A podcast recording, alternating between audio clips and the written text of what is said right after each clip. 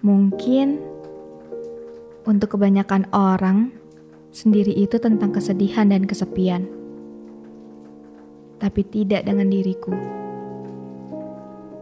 Terkadang, kesendirianlah yang membuat aku menjadi lebih kuat, kuat untuk menjalani hidup.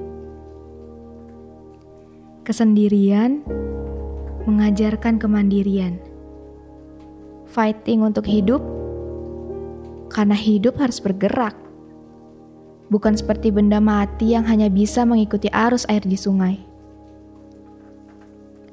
Walau terkadang aku merasa lelah untuk menjalani hidup dengan kesendirian, tapi kesendirianlah yang mengajarkanku keterangan dan ketenangan. Rasanya sendiri itu menyenangkan kalau kita tahu bagaimana memanfaatkan waktu yang kita punya. Dan sekarang aku menikmati hidupku di duniaku sendiri. Biarkan diri ini beradaptasi dengan apa yang sedang terjadi.